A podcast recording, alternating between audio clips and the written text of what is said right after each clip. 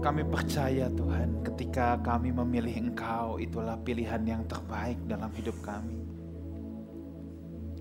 Bapa kami bersyukur boleh ada di tempat ini.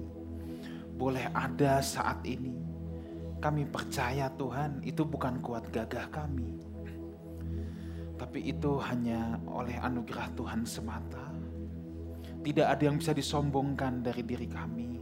Tidak ada yang hebat dari diri kami semua hanya anugerah Tuhan semata. Kami bersyukur kalau Tuhan memakai kami. Kami bersyukur kalau Tuhan melayakkan kami. Kami bersyukur kalau kami masih boleh menjadi alatnya Tuhan. Kami bersyukur kalau kami masih bisa mendengarkan kebenaran firman Tuhan pada pagi hari ini. Kami bersyukur Tuhan kalau kami masih bisa berkumpul bersama beribadah, memuji dan menyembah Tuhan. Kami bersyukur Tuhan pagi hari ini bicaralah kepada masing-masing kami ya Tuhan. Lewat roh dan firman-Mu, kami tidak mau ibadah kami menjadi ibadah yang rutinitas biasa. Tapi kami mau menangkap pewahyuan, pengertian dari kebenaran firman-Mu. Terima kasih Tuhan. Tumpahkan isi hatimu kepada anak-anakmu di tempat ini ya Bapak. Pakai hambamu buang perhatian yang tidak perlu Biar hanya apa yang berasal daripada Tuhan yang dilepaskan di tengah-tengah jemaat Tuhan. Terima kasih. Hanya di dalam nama Tuhan Yesus, semua umat Tuhan yang siap menyambut kebenaran firman Tuhan, sama-sama saya katakan, amin. Berikan tepuk tangan yang meriah buat Tuhan, silakan duduk. Wow. Apa kabar Bapak Ibu Saudara? Sungguh satu sukacita dapat melihat Bapak Ibu Saudara berkumpul di tempat ini. Sebagian saudara mengikuti kita dari awal, sebagian saudara di tengah-tengah, atau mungkin ada juga yang baru pertama kali datang. Untuk yang baru pertama kali datang, saya ingin ingatkan, nggak ada orang asing di tempat ini. Kita semua keluarga. Kalau saudara lihat, ini kenapa ada angka tiga depan? Yes, tanpa terasa. Life House Community berusia tiga tahun. Oleh kemurahan Tuhan, saudara ya bukan karena kerja satu dua orang, bukan karena bukan karena kuat gagah siapa pun, tapi saya pastikan kemurahan Tuhan boleh ada menyertai kita semua tanpa terasa tiga tahun. Saya flashback ingat ke belakang. Ibadah di tempat ini pertama kali tanggal 1 Maret. ya 1 Maret tahun 2020. Kita ibadah tiga kali lockdown saudara. ya Tiba-tiba tutup Lalu di tengah perjalanan kita buka tutup, buka tutup. Kayak one way puncak ya. Buka tutup, buka tutup. Sempat ibadah dipecah dua supaya nyaman. Satu ibadah cuma 50 orang. Setelah Omikron kita gabung lagi semua ya. Tetapi kita lihat ke depan kalau Tuhan mengizinkan dan jumlah terus bertambah pasti kita akan buka dua ibadah juga. Kita mengalir saja. Ketika baru mulai lockdown, tentunya ada banyak tantangan, ada banyak kesulitan. Kalau saya flashback kembali, ya, kalau saya renungkan lagi apa yang telah terjadi di tahun-tahun ke belakang, sungguh saya melihat uh, tuntunan tangan Tuhan, ya, penyertaan tangan Tuhan. Ya. Saya pengen awali dulu sharing pada hari ini dari Habakuk 3 ayat yang ke-19. Bagaimana di dua tahun ke belakang kita semua mengalami masa-masa yang tidak enak. Masa-masa yang tidak pernah terjadi di dunia ini sebelumnya ya. At least selama kita hidup pasti ini baru pertama kali lah ya. Kita menghadapi semua di lockdown, mau ketemu orang takut, dan lain sebagainya. Tapi biar kebenaran firman Tuhan ini, saya akan buka dari sini dulu. Allah Tuhanku itu kekuatanku. Ia membuat kakiku seperti kaki rusa. Ia membiarkan aku berjejak di bukit-bukitku. Saudara, kaki rusa itu didesain khusus sama Tuhan. Kaki rusa itu beda sama kaki kita. Kaki rusa itu beda dengan kaki binatang yang lain. Kaki rusa itu memang didesain untuk bisa berlari, untuk bisa uh, berjalan berlari di medan yang sangat berat, di medan yang berbatu-batu, di medan di gunung-gunung batu. kaki rusa yang bisa mengatasi itu. Tuhan memang mendesain kaki rusa seperti itu. Supaya dia bisa lari dari kejaran-kejaran binatang buas dan sulit sekali untuk menandingi rusa kalau sudah ada di bukit-bukit berbatu. Bukit-bukit berbatu itu bukan bukit yang enak. Dalam hidup ini kita pasti menghadapi banyak tantangan. Kita pasti menghadapi banyak pergumulan. Tapi let me tell you this. Biarlah saya beritahu buat kita semua tentang satu hal ini. Jadi orang Kristen jangan cengeng. Orang Kristen itu memang didesain sama Tuhan untuk bisa melewati kesulitan-kesulitan hidup orang Kristen sejak semula itu didesain sama Tuhan untuk bisa menghadapi semua persoalan. Makanya segala perkara cakapku tanggung di dalam dia yang memberikan kekuatan kepadaku. Of course bukan karena kuat gagah kita.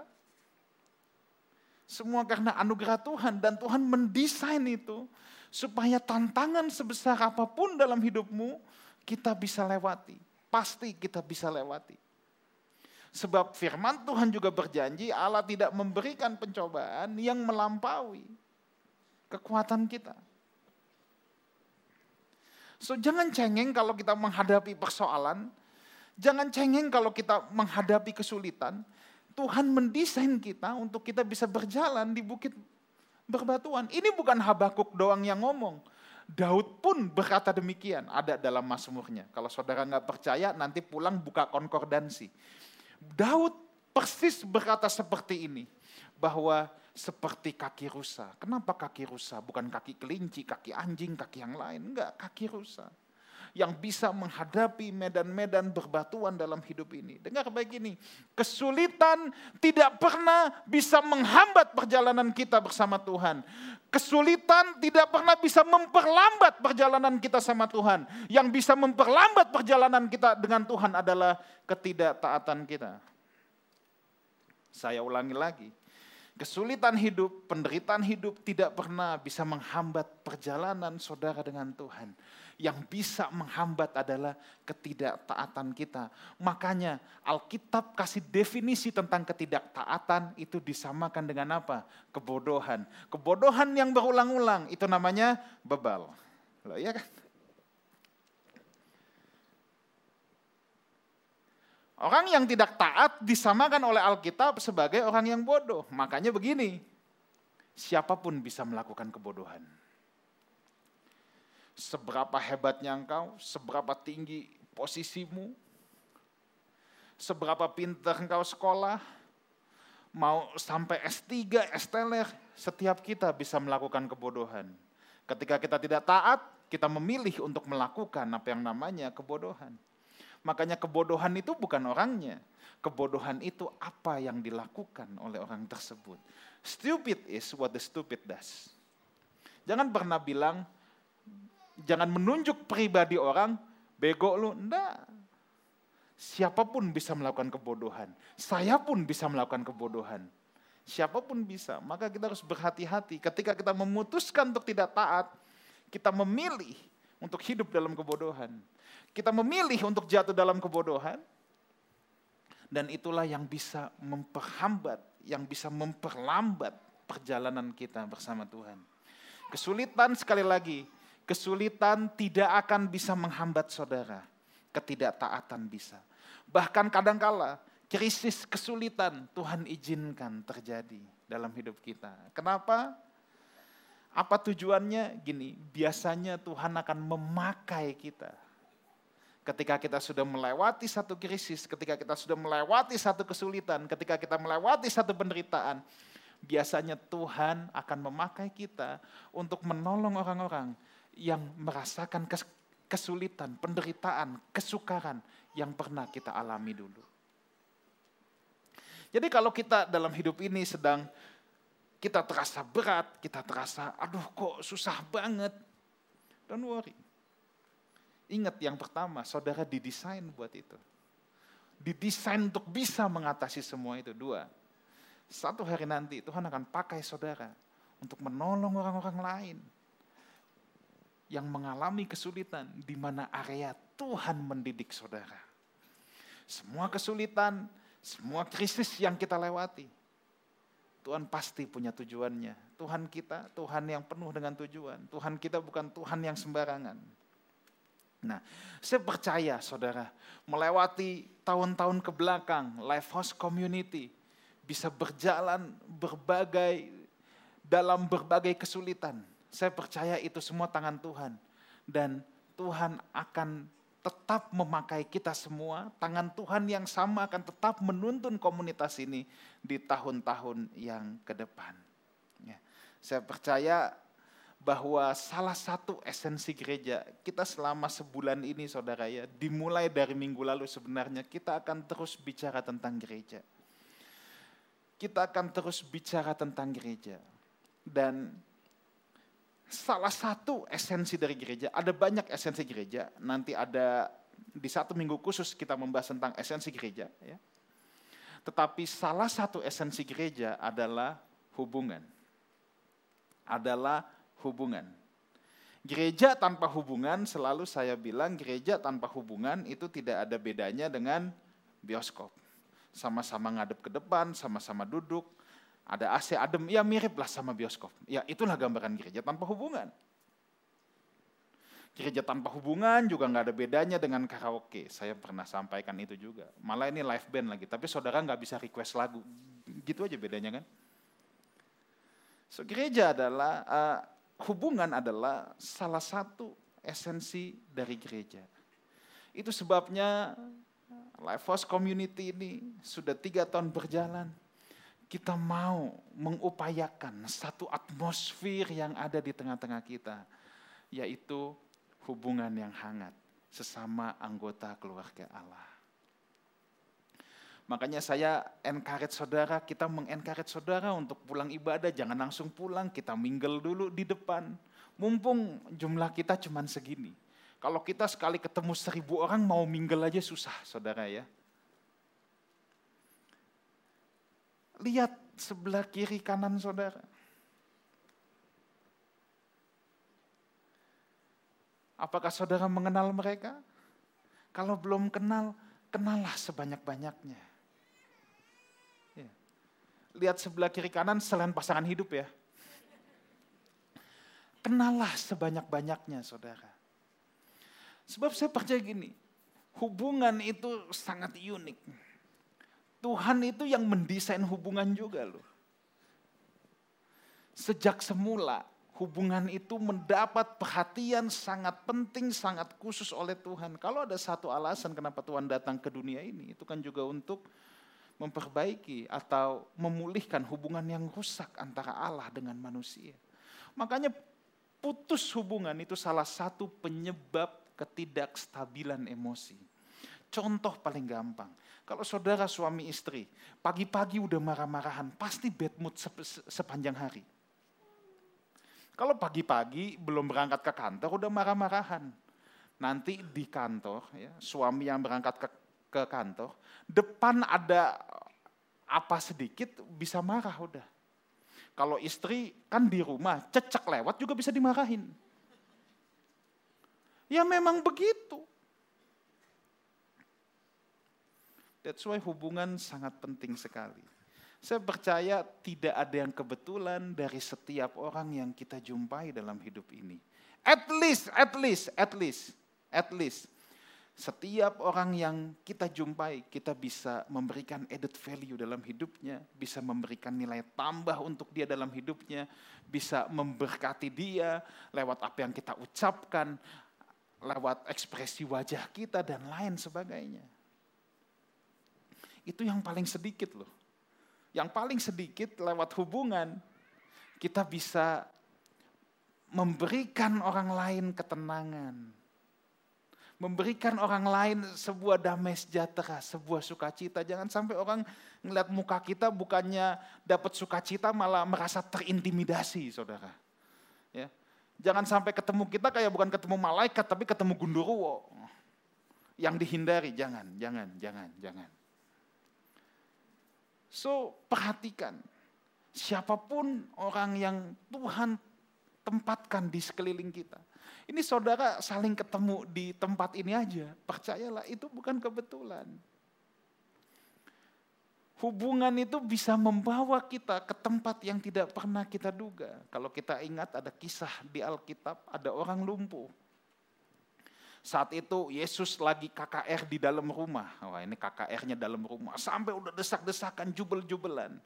Markus 2, nanti buka di rumah aja. Alkitab mencatat, empat orang temannya gotong tandu itu, naik ke atas, jebol atap rumah orang. Tuh coba. Ini kalau yang lumpuh ini tidak punya hubungan yang baik dengan orang-orang sekitarnya, dengan empat orang ini at least yang membawa dia naik ke atas. Nggak ada yang mau susah lagi bawa-bawa tandu naik ke atas genteng. Itu nggak gampang, itu susah. Belum lagi jebolin atap orang nanti mesti ganti dan lain sebagainya.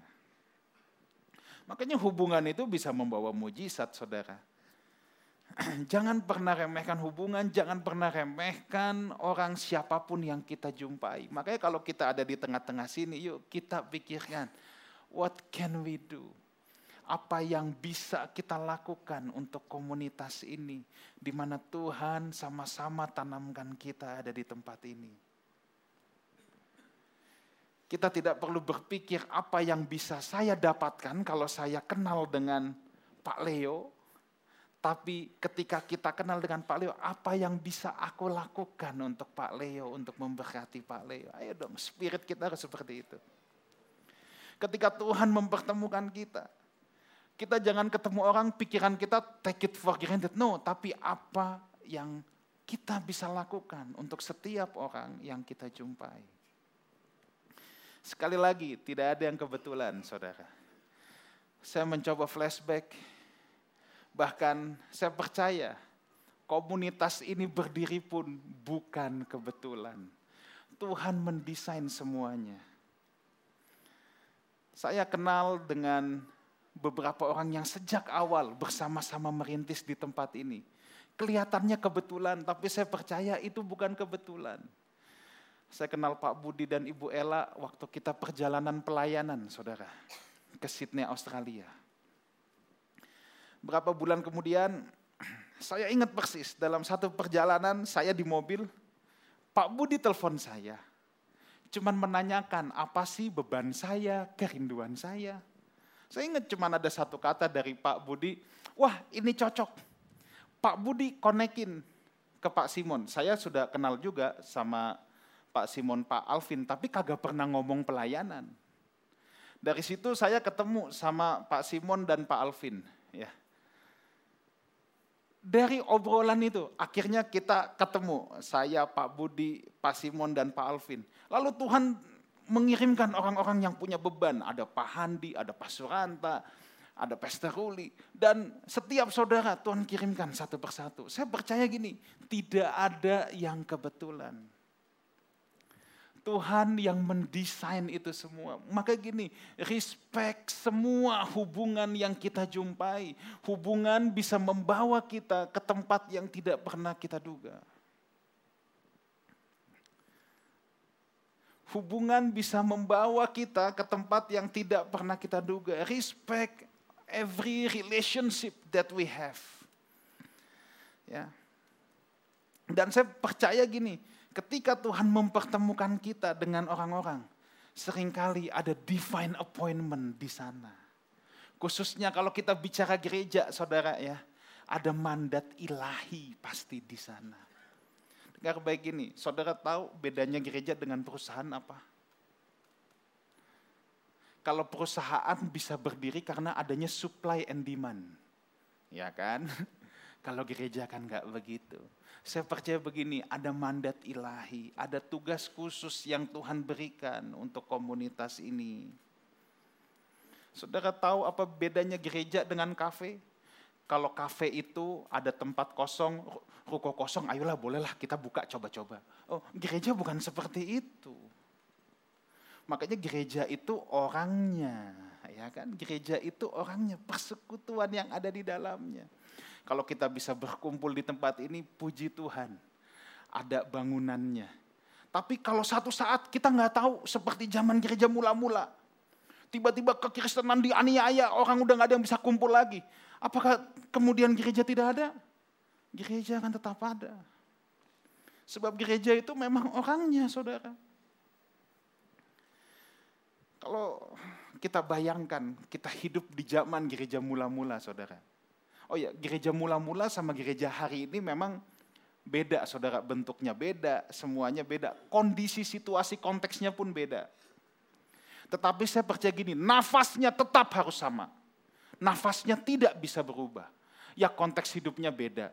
Zaman dulu saudara ya, kalau saudara baca kitab kisah para rasul, kalau saudara suka memainkan imajinasi saudara, orang-orang Kristen sangat teraniaya.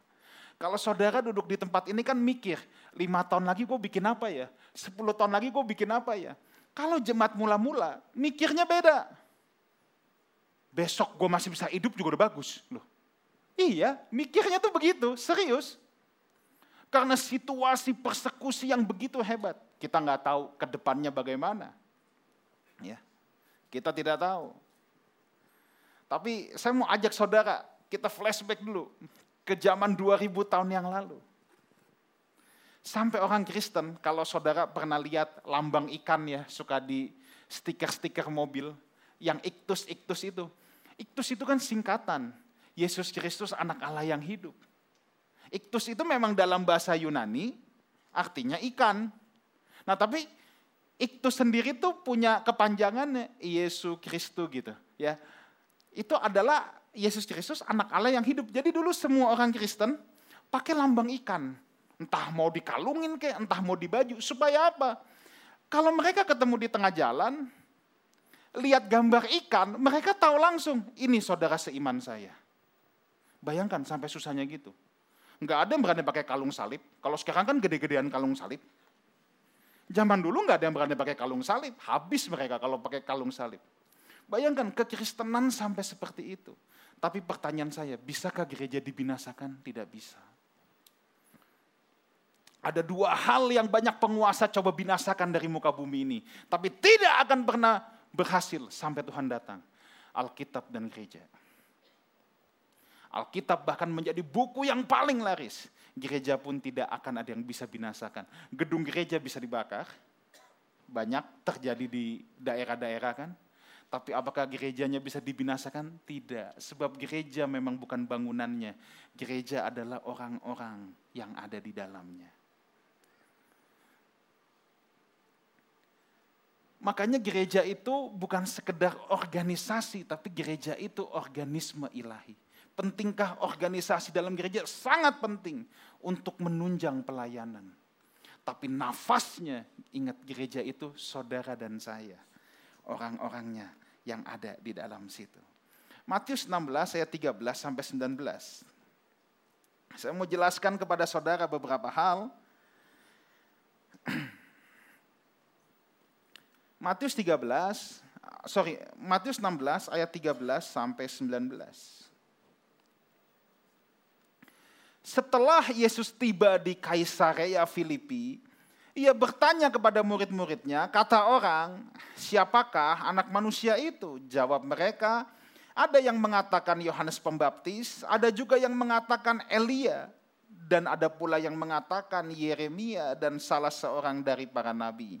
Lalu Yesus bertanya kepada mereka, tetapi apa katamu, siapakah aku ini? Maka jawab Simon Petrus, engkau adalah Mesias, anak Allah yang hidup. Kata Yesus kepadanya, berbahagialah engkau Simon bin Yunus, sebab bukan manusia yang menyatakan itu kepadamu, melainkan Bapakku yang di sorga. Dan aku pun berkata kepadamu, engkau adalah Petrus dan di atas batu karang ini aku akan mendirikan jemaatku.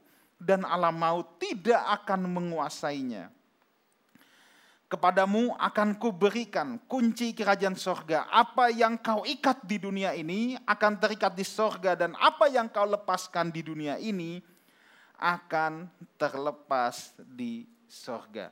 Saudara, ayat-ayat yang kita baca ini, inilah pertama kali kata gereja muncul dalam Alkitab, yaitu di ayat yang ke-18 tadi, di atas batu karang ini kata Tuhan, aku akan mendirikan jemaatku.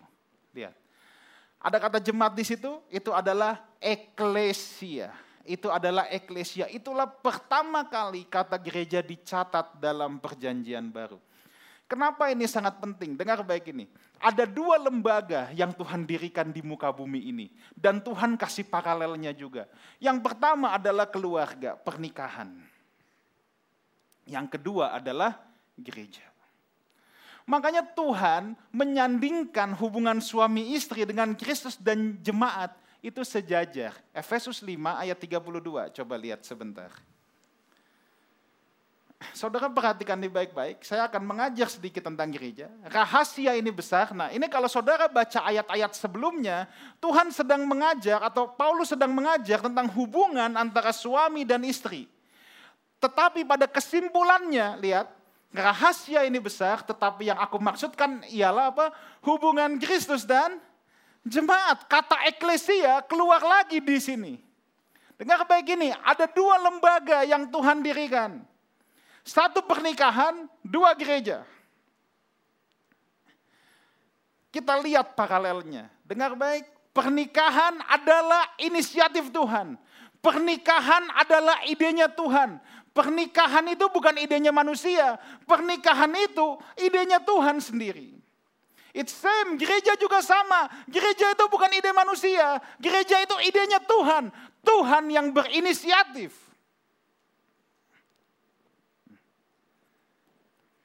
Kita balik lagi ke pernikahan. Kenapa pernikahan ada? Kalau saudara berpikir pernikahan ada karena dua orang yang saling jatuh cinta, lalu memutuskan untuk menikah, maka itu bukan definisi Alkitab. Itu bukan definisi Alkitab. Keluarga diadakan oleh Tuhan supaya manusia menunaikan tugasnya di bumi ini menjadi pelaksana kehendak Tuhan. Dari awal Tuhan dirikan lembaga ini memang untuk itu. Gereja juga sama, makanya visi kita, dengar baik, visi kita yang ada di Life House ini menjadi God's ambassador, duta-duta Allah. Gereja ada untuk melaksanakan kehendak Tuhan di bumi ini. Pernikahan bisa rusak nggak? Bisa. Siapa yang merusakkan pernikahan? manusia berdosa merusak pernikahan. Iya kan? Ingat, dengar baik ini. Pernikahan tidak pernah salah. Lembaga pernikahan tidak pernah salah. Ini originally idenya Tuhan. Yang bisa bikin ini berantakan, manusia berdosa yang ada di dalamnya bikin ini berantakan. Tapi pernikahan sendiri tidak pernah salah dan tidak bisa salah. Sekali lagi, ini idenya Tuhan. What about the church? Kita hidup di tahun 2023 ini bukan rahasia umum. Ya, saya menjumpai begitu banyak orang yang kecewa sama gereja. Saya menjumpai begitu banyak orang yang bilang, ah gue malas lah semua gereja sama. Saya menjumpai begitu banyak orang yang dalam tanda petik, gue udah pahit sama yang namanya gereja. Dengar baik ini, gereja tidak bisa salah gereja originally idenya Tuhan sendiri. Kalau ada oknum-oknum, ingat tadi manusia berdosa yang merusak pernikahan, it's same. Gerejanya sendiri tidak pernah bersalah. Makanya gini, orang Kristen tidak bisa menolak gereja. Saya firm dengan hal yang satu ini. Lihat, hubungan rahasia ini besar tentang suami dan istri. Yang aku maksudkan ialah hubungan Kristus dan jemaat. Kristus dan gereja tidak bisa dipisahkan sama kayak suami dan istri tidak bisa dipisahkan. Saya tidak bisa berkata, saya bisa menerima Pak Leo, tapi saya tidak bisa menerima Ibu Yuke. Tidak bisa, ini satu paket. Maka kalau orang bilang, ah gue pahitlah sama gereja. Eh jangan. Kita tidak bisa menerima Kristus menolak gerejanya. Enggak bisa. Gereja tidak pernah bersalah sebab gereja Tuhan yang dirikan. Gereja ada, ada sebuah mandat ilahi di situ. Ya. Kalau kita memandang pernikahan hanya sebagai dua orang yang jatuh cinta terus mau menikah, ya itu sama saja. Kalau kita memandang gereja juga, ya itu orang-orang nggak ada kerjaan coba bikin gereja. mumpung ada fasilitas, ada apa. Itu sama, sama. Tapi kalau kita bisa melihat dari perspektif Alkitab, dari perspektif kebenaran firman Tuhan, pernikahan diadakan untuk melaksanakan kehendak Tuhan di bumi ini. Maka kita harus menghormati pernikahan. It's the same things. Kalau kita tahu gereja ada untuk menjadi pelaksana kehendak Tuhan di bumi ini, kita harus menghormati gereja Tuhan. Again, siapa gereja? Kita semua, orang-orang yang ada di dalamnya. Kata gereja sendiri, eklesia, berasal dari bahasa Yunani kan, ek dan kaleo. Ek artinya keluar. Kaleo dipanggil, dipanggil keluar. Sorry, ek itu dipanggil keluar. Ekaleo, dipanggil keluar. Itu bukan sebuah istilah baru di zaman itu, saudara. Jadi kalau zaman dulu dibilang eklesia, itu udah nggak aneh lagi. Eklesia adalah, kan dipanggil keluar, itu penatua atau tua-tua kota yang dipanggil untuk ke depan pintu gerbang kota, untuk memutuskan nasib kotanya, itu ekaleo. Makanya eklesia itu, tugas gereja itu berat, tugas gereja itu kota. Makanya kalau saudara baca Alkitab, jemaat di Filipi, jemaat di Korintus, jemaat di Galatia, semua bicara tentang kota. Alkitab tidak pernah bicara tentang denominasi. Alkitab bicara tentang kota. Makanya PR kita ke depan banyak. Apa yang bisa kita kerjakan? kita mulai dari awal, mulai dari kecil, ya kita melakukan apa yang kita bisa. Tapi ke depan nanti kita harus terus berkarya, khususnya untuk kota ini. Thank you so much untuk Pak Simon yang yang sudah mengkoordinir untuk kita boleh jadi berkat untuk Yayasan Pondok Domba yang ada tidak jauh dari tempat ini. Memang gereja dipanggil untuk kota, saudara ya. Oke, kita mau lihat, saya mau dengan cepat saja saya akan merantau beberapa hal.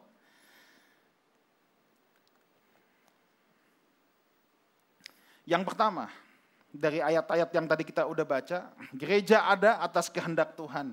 Gereja adalah inisiatif Tuhan. Ya, Tuhan memakai orang-orang yang digerakkan oleh beban, yang digerakkan oleh visi. Tapi percayalah gereja itu inisiatifnya Tuhan sendiri. Oleh sebab itu Efesus 2 ayat 19 sampai 20 coba lihat. Demikianlah kamu bukan lagi orang asing dan pendatang, melainkan kawan sewarga dari orang-orang kudus dan anggota-anggota keluarga Allah. Stop dulu, ayat 19 dulu. Lihat, setiap saudara dengar baik ini tidak ada kasta dalam gereja. Halo? Saudara yang duduk dengan saya yang sedang menyampaikan firman, kita semua kawan sewarga, the fellow citizen. Kita semua kawan sewarga dari orang-orang kudus, saudara dan saya sama-sama anggota keluarga Allah. Di hadapan Tuhan kita sama, yang berbeda fungsinya saja. Saya harus berfungsi untuk mengajar. Tapi di mata Tuhan kita adalah the fellow citizen. Ayat 20 yang dibangun di atas para rasul dan para nabi, di atas dasar para rasul dan para nabi dengan Kristus Yesus sebagai batu penjuru. Makanya gereja ini batu penjurunya, gereja di mana pun seharusnya batu penjurunya adalah Tuhan Yesus Kristus. Lalu pelayanan kerasulan, pelayanan kenabian meletakkan dasar untuk gereja. Saudara bisa lihat di Alkitab semua. Kekristenan itu bisa muncul di satu kota tetapi tetap pelayanan kerasulan perlu datang ke situ untuk menyentuhnya, meletakkan dasar. Kapan pertama kali kekristenan tersebar? Coba saya tanya. Peristiwa Pentakosta. Ketika peristiwa Pentakosta, dari berbagai penjuru datang. Ya kan? Kalau saudara baca kisah Rasul 2, ada orang-orang Kreta, orang-orang Roma, semuanya ada. Mereka pulang ke tempat masing-masing, memberitakan Injil, ya Lalu mulai ada komunitas-komunitas, tapi tetap pelayanan kerasulan harus datang dan menyentuh. Itulah yang yang meletakkan dasar gereja. Nah, makanya saudara, kalau saudara punya mungkin bertanya-tanya, ya, saya itu selalu menghitung Siapa yang bicara di sini? Siapa orang-orang yang punya sentuhan pelayanan kenabian? Saya minta untuk memperlengkapi kita di sini. Memang saya tidak mengumumkan ini nabi enggak, tapi fungsi pelayanan kenabian itu ada. Dan saya tahu di mana fungsi pelayanan saya. Saya tahu mana yang kita butuhkan, untuk supaya pelayanan ini bisa disentuh oleh lima jawatan. Kan ada rasul, nabi, penginjil, gembala, guru. Tapi memang gereja, Kristus batu penjuru, dibangun di atas dasar para rasul dan para nabi. Fungsi pelayanan kerasulan dan fungsi pelayanan kenabian. Oke. Yang kedua, cepat aja. Gereja didirikan di atas pengakuan kemesiasan Kristus. Tadi kita sudah baca, kan Tuhan lagi tanya, menurut kamu siapa aku ini? Petrus bilang, engkau Mesias anak Allah yang hidup. Baru Tuhan bilang, di atas batu karang ini aku akan mendirikan jemaatku. Apa implikasinya? Gereja didirikan di atas pengakuan kemesiasan Kristus. Dengar baik ini, implikasinya adalah tidak ada yang boleh diagungkan, ditinggikan, dimuliakan selain Yesus Kristus dalam sebuah gereja. Tidak boleh ada kultus individu, tidak boleh ada yang merasa hebat, tidak boleh ada yang merasa superstar, enggak, semuanya sama. Hanya Kristus yang ditinggikan, hanya Kristus yang dimuliakan dalam sebuah gereja. Ya. Saya selalu merasa diri saya bukan siapa-siapa, saya sama dengan saudara kita semua punya peranan ya kita bersama-sama melayani bersekutu di tempat ini kita semua punya peranannya masing-masing di hadapan Tuhan saya bukan superstar rohani dan saya berharap komunitas ini tetap faceless and nameless biar hanya Kristus saja yang ditinggikan di tengah-tengah kita sebab gereja dibangun di atas dasar pengakuan kemesiasan Kristus tidak ada yang lain. Ya. Yang ketiga, gereja diberikan otoritas oleh Kristus sebagai pelaksana kehendaknya. Itu kalau saudara baca ayat 19 tadi, kepadamu akan kuberikan kunci kerajaan surga. Kunci bicara otoritas. Ya. Gereja diberikan otoritas untuk menjadi pelaksana kehendaknya.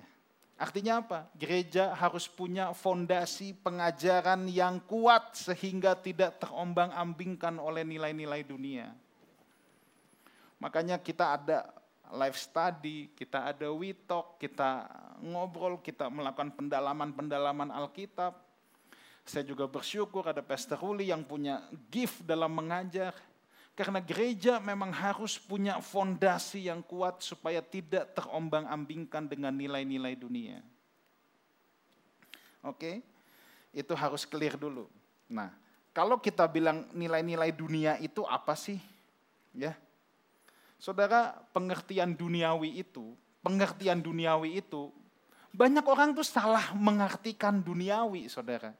Banyak orang mengartikan duniawi itu kalau dia pakai ini jadi duniawi, kalau dia pakai itu jadi duniawi, kalau dia senang pergi ke sini ke situ jadi duniawi. Enggak, pengertian duniawi adalah kalau nilai-nilai yang kita kenakan adalah nilai-nilai dunia, itu jadi duniawi. Itu jadi duniawi. Selalu saya umpamakan kan begini ya saudara ya. Sebab hari-hari ini ada banyak orang tuh yang punya pandangan tidak balance, banyak orang yang yang apa punya pandangan sampai punya gambaran tentang Tuhan tuh yang salah. Yang satu pokoknya kita happy-happy terus. Ada ekstrim satu lagi memandang Tuhan kayak Tuhan psikopat. Kita senang dikit Tuhan ngamuk. Pernah ketemu yang kayak gini? Saya ketemu banyak. Ada yang satu pokoknya Tuhan mau kita senang, happy, happy terus happy. Kalau kita susah dikit, wah jangan-jangan gue lagi kena kutuk nih. Yang satu lagi, muka ditekuk terus. Mengkeret terus, sedih terus.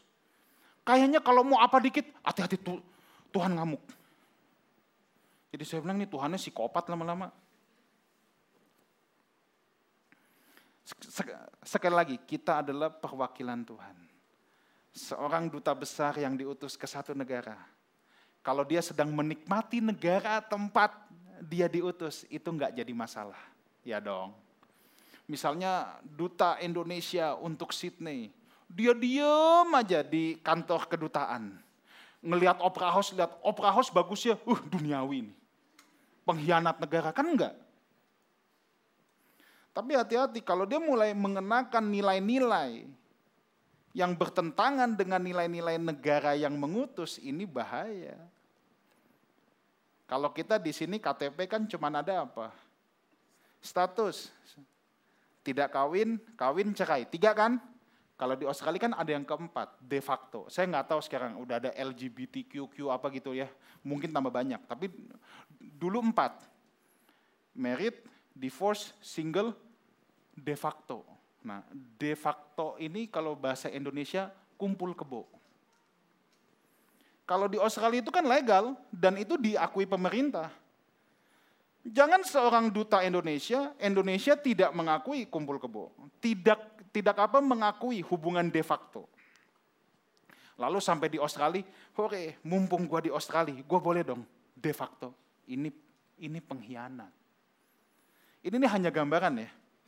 Ini yang disebut mengkhianati kerajaan Tuhan tuh gini. Duniawi itu begini ketika yang kita gunakan bukan lagi nilai-nilai kerajaan sorga. Saudara bisa ada dalam gereja kan khotbah terakhir saya tentang spirit anak sulung. Bisa ada di dalam gereja, bisa aktif pelayanan. Di saat yang sama kita bisa kehilangan hati Bapak kita dan kita mulai mengenakan ukuran-ukuran dunia ini. Kan si sulung gitu, dia sibuk urusin kambing domba, sibuk urusin urusan papanya. Tapi di saat yang sama dia kehilangan hati bapaknya. Dan orang yang kehilangan hatinya Tuhan akan memulai memasukkan nilai-nilai dunia, ukuran-ukuran dia sendiri yang dia ukurkan. Itu duniawi. Maka saudara jangan aneh, ada orang bisa sibuk pelayanan, sibuk ini, tapi cara mandang orangnya merendahkan. Mengukur pelayanan dari profit and loss, dan lain sebagainya. Sangat bisa. Jadi gereja harus punya pengajaran yang benar. Fondasi yang kokoh. Oke, yang keempat, yang terakhir, gereja memang bukan bangunannya, tetapi orang yang ada di dalamnya. Gereja bisa berada di, di, mana saja, ya, karena inti dari gereja adalah persekutuan orang-orang percaya di dalamnya. Makanya kita punya value gini, saudara. We see people as people, not see people as numbers. tidak salah ya, kita juga ada aser yang menghitung berapa banyak yang hadir untuk tahu jumlah kehadiran. Tapi apakah saya setiap kali dilaporkan? Tidak. Dan saya juga tidak pernah tanya. Coba aja tanya sama Aser. Pernah nggak saya tanya-tanya berapa banyak yang hadir? Karena buat saya, berapapun yang hadir, we have to see people as people. 10 orang yang hadir dengan 200 orang yang hadir itu sama-sama berharga di hadapan Tuhan. Kita nggak seneng cuman karena oh gedung penuh, hore-hore penuh. Berapapun yang hadir, we see people as people, not numbers. Because the church, gereja adalah tentang orang-orang yang ada di dalamnya. Ya. Saya akhiri satu ayat terakhir, saya kasih heads up dulu, 1 Petrus 2 ayat yang ke-9, nanti kapan-kapan kita bahas tuntas ayat ini. 1 Petrus 2 ayat yang ke-9. Oke, ayat yang sangat terkenal. Tetapi kamulah bangsa yang terpilih. Saudara, saudara di sini adalah bangsa yang terpilih. Saudara harus bersyukur akan hal itu.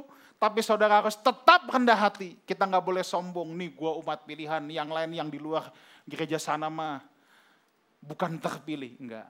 Kita bersyukur tapi kita enggak boleh sombong, oke? Okay? Lalu apa? Imamat yang rajani itu bicara tanggung jawab kita. Tanggung jawab kita. Hidup kita harus menjadi imamat yang rajani. Di, di mana pun kita berada, makanya semua hidup kita adalah pelayanan kita kepada Tuhan. Sebab kita imamat yang rajani. Bangsa yang kudus, ini bicara apa? Kualitas kehidupan kita kualitas kehidupan kita. Kekudusan tidak bisa ditawar. Kekudusan artinya dipisahkan. Ya. Masa badan yang kita gunakan untuk menyembah Tuhan badan yang sama kita gunakan untuk hal yang tidak-tidak. Bangsa yang kudus ini bicara kualitas hidup kita. Lalu apa? Umat kepunyaan Allah sendiri. Ini bicara trust. Ada trust yang Tuhan berikan kepada kita semua sebagai umat kepunyaan dia. Supaya apa? Memberitakan perbuatan-perbuatan besar dari dia yang telah memanggil kamu keluar dari kegelapan kepada terangnya yang ajaib. Kiranya hidup kita semua boleh memberitakan perbuatan-perbuatan Tuhan yang besar. Jangan sampai orang melihat hidup kita, orang jadi mengutuki Tuhan. Harusnya orang melihat hidup kita, orang melihat perbuatan-perbuatan yang besar dari Tuhan.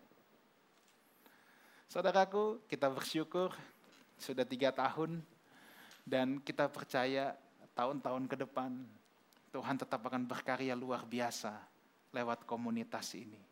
Saudara, sebentar sebentar ini karena kita ini kan baru ibadah rutin setelah Omikron ya.